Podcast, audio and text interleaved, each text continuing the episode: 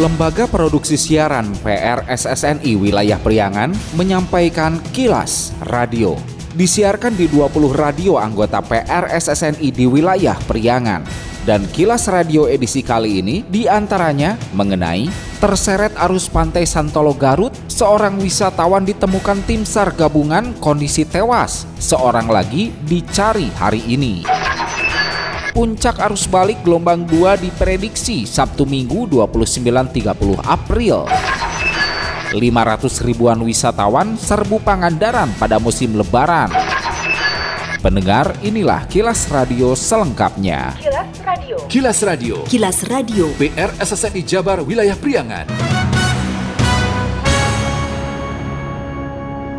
Seorang dari dua wisatawan yang terseret arus di Pantai Santolo, Kecamatan Cikelet, Kabupaten Garut, Rabu 26 April diketahui sudah ditemukan oleh tim SAR gabungan. Korban atas nama M. Hisham bin Nari, usia 19 tahun, ditemukan dalam kondisi sudah meninggal dunia Kamis 27 April sekira jam setengah lima sore. Seorang korban lainnya, Tiar Pirmadi, usia 19 tahun, belum ditemukan. Kepala Pelaksana Badan Penanggulangan Bencana Daerah BPBD Kabupaten Garut, Satria Budi mengatakan korban yang warga kampung Cisampih, Desa Cihaur Kuning, Kecamatan Malangbong, diketahui sebelumnya berenang bersama sejumlah delapan orang, enam orang di antaranya berhasil menyelamatkan diri. Menurut Budi, tim operasi Search and Rescue SAR gabungan yang terdiri dari BPBD, Polairut, Basarnas, Forkopimcam Kecamatan Cikelet, Rebana, Repalapa, Tagana, dan relawan lain serta masyarakat sekitar akan kembali mencari lagi seorang korban yang belum ditemukan Jumat 28 April. Mereka berenang 8 orang, yang 6 orang terselamatkan, dua orang terkena musibah. Dan insya Allah teman-teman dari potensi SAR di bawah kendali kantor SAR eh, Bandung dan Tasik dibantu oleh Po Airud, Kapolsek Ciklet juga relawan konsen kepada kebencanaan, ikut aktif berpartisipasi juga masyarakat melaksanakan pencarian. Telah ditemukan satu orang kemarin sekitar jam setengah lima lah yang kembali dan hari ini juga kita akan melakukan pencarian lagi. Teman-teman yang di lapangan hari ini mudah-mudahan mendapatkan titik terang dan korban segera ditemukan. Polres Garut menahan Dadang alias Dadang Buaya dan rekannya Yusuf Suproni sejak Selasa 25 April. Keduanya menyerahkan diri kepada aparat kepolisian setelah sebelumnya diduga melakukan penganiayaan terhadap warga di Kecamatan Pamengpek Garut. Kapolres Garut AKBP Rio Wahyu Anggoro saat konferensi pers Kamis 27 April menjelaskan, awalnya ada dua warga yang mengendarai sepeda motor di jalan raya wilayah Pamengpek Selasa sekitar jam 2 dini hari, tiba-tiba sebuah mobil melintas dan hampir menyerempet pengguna sepeda motor itu. Lantaran tak terima, dua warga berinisial R dan O mengejar mobil yang diketahui dikendarai Dadang Buaya dan Yusuf Suproni. Menurut Kapolres, seorang pengendara motor disebut mengatakan kepada sopir mobil agar berhati-hati berkendara, lalu terlibat cekcok dan tersangka Yusuf langsung melakukan pemukulan kepada salah satu korban. Tak lama, Dadang Buaya disebut melakukan pembacokan menggunakan golok kecil yang menyebabkan salah satu korban terluka. Setelah terjadi peristiwa peristiwa itu, Rio segera koordinasikan dengan Kapolsek untuk meminta Dadang Buaya menyerahkan diri, seraya mengultimatum jika hingga maghrib tak datang, ia akan pimpin langsung penangkapan hidup atau mati.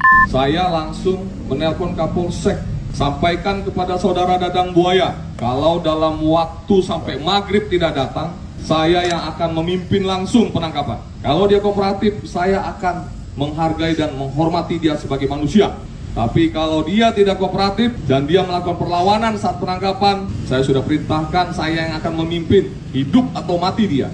Namun pukul 14.00 Babin Ngaptimas menyampaikan kepada kami, saudara Dadang Buaya akan menyerahkan diri. Saya mengucapkan terima kasih atas kejantanan yang bersangkutan.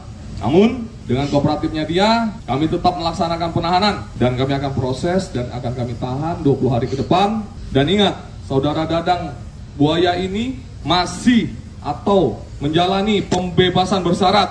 AKBP Rio menegaskan Dadang Buaya dan Yusuf Suproni dijerat pasal 170 dan atau pasal 351 KUHP dengan ancaman hukuman penjara maksimal 7 tahun. Khusus Dadang Buaya, hukumannya bisa ditambah 1 per 4 lantaran yang bersangkutan masih dalam masa pembebasan bersyarat setelah sebelumnya keluar tahanan 4 bulan lalu. Kapolres menambahkan kasus pembacokan itu merupakan yang ketiga kalinya Dadang Buaya berurusan dengan polisi. Salah satu aksi Dadang Buaya adalah melakukan melakukan penyerangan ke markas Komando Rayon Militer Koramil dan Polsek Pamengpek pada Mei 2021 silam. Kilas Radio. Kilas Radio. Kilas Radio. PR SSNI Jabar Wilayah Priangan.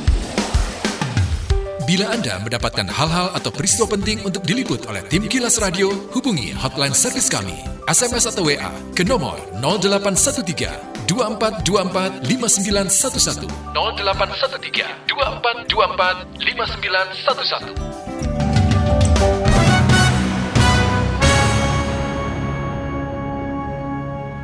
Polres Ciamis memprediksi puncak mudik balik gelombang kedua Sabtu Minggu 29-30 April. Kapolres Ciamis AKBP Tony Prasetyo Yudangkoro yang dihubungi reporter Anik ST via telepon mengatakan pantauan situasi kondisi arus mudik balik Kamis 27 April terpantau lengang, ramai lancar dibanding dua hari sebelumnya yang mana arus mudik balik dari arah timur cukup padat. Menurut Tony, mudik balik kali ini akan berbeda dengan mudik balik sebelumnya di mana ada kebijakan pemerintah cuti diperpanjang sehingga sehingga ada gelombang arus mudik balik 24-25 April menjadi gelombang pertama dan diprediksi gelombang 2 akhir pekan ini.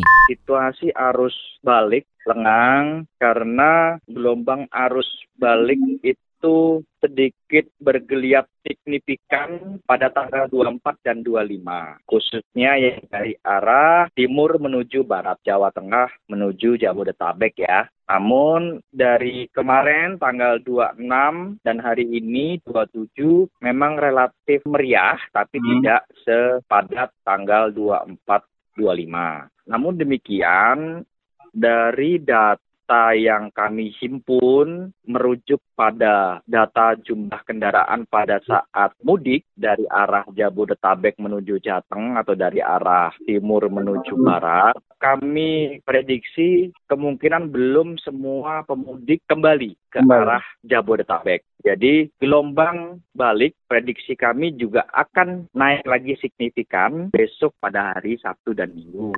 Tony menambahkan selain jalur Ciamis Tasikmalaya juga terpantau cukup lengang di jalur Ciamis Utara, Ciamis, Kawali, Cikijing, Kuningan maupun Majalengka. Lengangnya jalur Ciamis ke utara lantaran banyaknya pemudik gunakan jalur utama.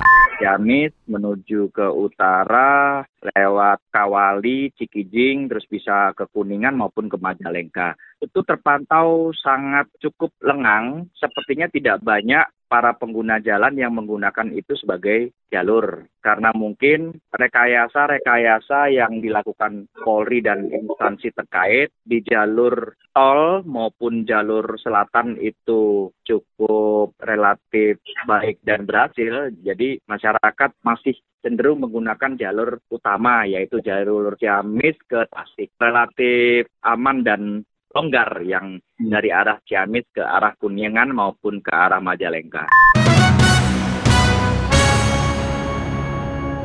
Masih terkait arus mudik balik lebaran kali ini dari Kabupaten Tasikmalaya. Kendati masih cukup ramai dengan volume kendaraan yang melintas, Satuan Lalu Lintas Polres Tasikmalaya memastikan secara umum situasi dan kondisi arus mudik balik di Kabupaten Tasikmalaya aman dan lancar. Kepastian disampaikan Kasat Lantas Polres Tasikmalaya AKP Abdi Hendriatno Kaslan kepada Kilas Radio Kamis 27 April. Abdi menyebut pelintas dari arah kota Tasikmalaya menuju wilayah kabupaten atau dari arah Banjar Ciamis melalui Cimaragas menuju Manonjaya juga Cineam, jalur selatan Singaparna Garut atau sebaliknya, juga jalur wisata dari arah pantai menuju ke Kabupaten Tasikmalaya, semuanya masih sangat ramai terkendali. Terkait prediksi adanya puncak arus balik gelombang 2 pada akhir pekan ini, Abdi memastikan pihaknya masih berada di posko sepanjang jalur hingga 1 Mei mendatang. Untuk jadwal operasi itu dari mulai tanggal 19 kemarin sampai dengan tanggal 1 Mei nanti. Hmm. H plus 10. Jadi kami sudah ataupun memang masih standby di jalur hmm. ataupun di pos-pam hmm. demi mengantisipasi lonjakan arus ataupun antisipasi apabila masyarakat masih ada yang ingin pulang ataupun melakukan arus balik ataupun yang berwisata liburan yang melewati jalur kami khususnya di wilayah hukum Polres Tasikmalaya kita sudah menyiapkan hal tersebut. Personil kami tetap siap sedia untuk Sejak H plus 1 lebaran, jumlah wisatawan yang kunjungi Kabupaten Pangandaran sentuh angka hampir 500 ribu orang. Hotel bintang, penginapan biasa, hingga rumah penduduk yang disewakan untuk pengunjung terisi penuh. Menurut Ketua Perhimpunan Hotel dan Restoran Indonesia PHRI Pangandaran Agus Mulyana, para wisatawan terus berdatangan sejak sehari setelah lebaran, berpuncak pada H plus 2 dan H plus 3. Agus menyebut ribuan wisatawan ada yang hanya datang berkunjung lalu pulang alias tidak menginap, namun ada ribuan ribuan di antaranya menginap di semua hotel dan penginapan, bahkan rumah-rumah penduduk atau homestay yang ada di sekitar destinasi wisata. Agus memastikan tingkat okupansi hotel penuh hingga 100% jika melihat data kunjungan pada saat pertengahan libur lebaran kali ini yang telah sentuh di angka 400 ribuan lebih diperkirakan sekitar 400 ribuan orang mengunjungi Pangandaran. Tadi tambahan 49 ribu pengunjung yang diupdate setiap 24 jam dengan Dinas Pariwisata. Akupansi hotel mulai terasa itu di H-1, kemudian puncaknya di kemarin H plus 2 dan 3, akupansi hotel hampir mendekati 100 persen. Bahkan rumah-rumah penduduk yang ada di sekitaran objek wisata Pangandaran juga sampai disewa oleh para pengunjung atau wisatawan yang datang ke Pangandaran. Kecelakaan laut masih zero accident, kunjungan merata di lima objek wisata Pangandaran yaitu di Karapyak, Batu Hiu, Batu Karas, Green Canyon, dan Pangandaran itu sendiri. Jadi Alhamdulillah untuk tahun ini Pangandaran dalam keadaan kondusif, baik, dan aman nyaman untuk dikunjungi. Kilas Radio. Kilas Radio. Kilas Radio. PR SSNI Jabar Wilayah Priangan. Sekian Kilas Radio. Saya Dido Nurdani beserta tim Kilas Radio Priangan. Salam PRSSNI. Kilas, Kilas. Kilas. Radio.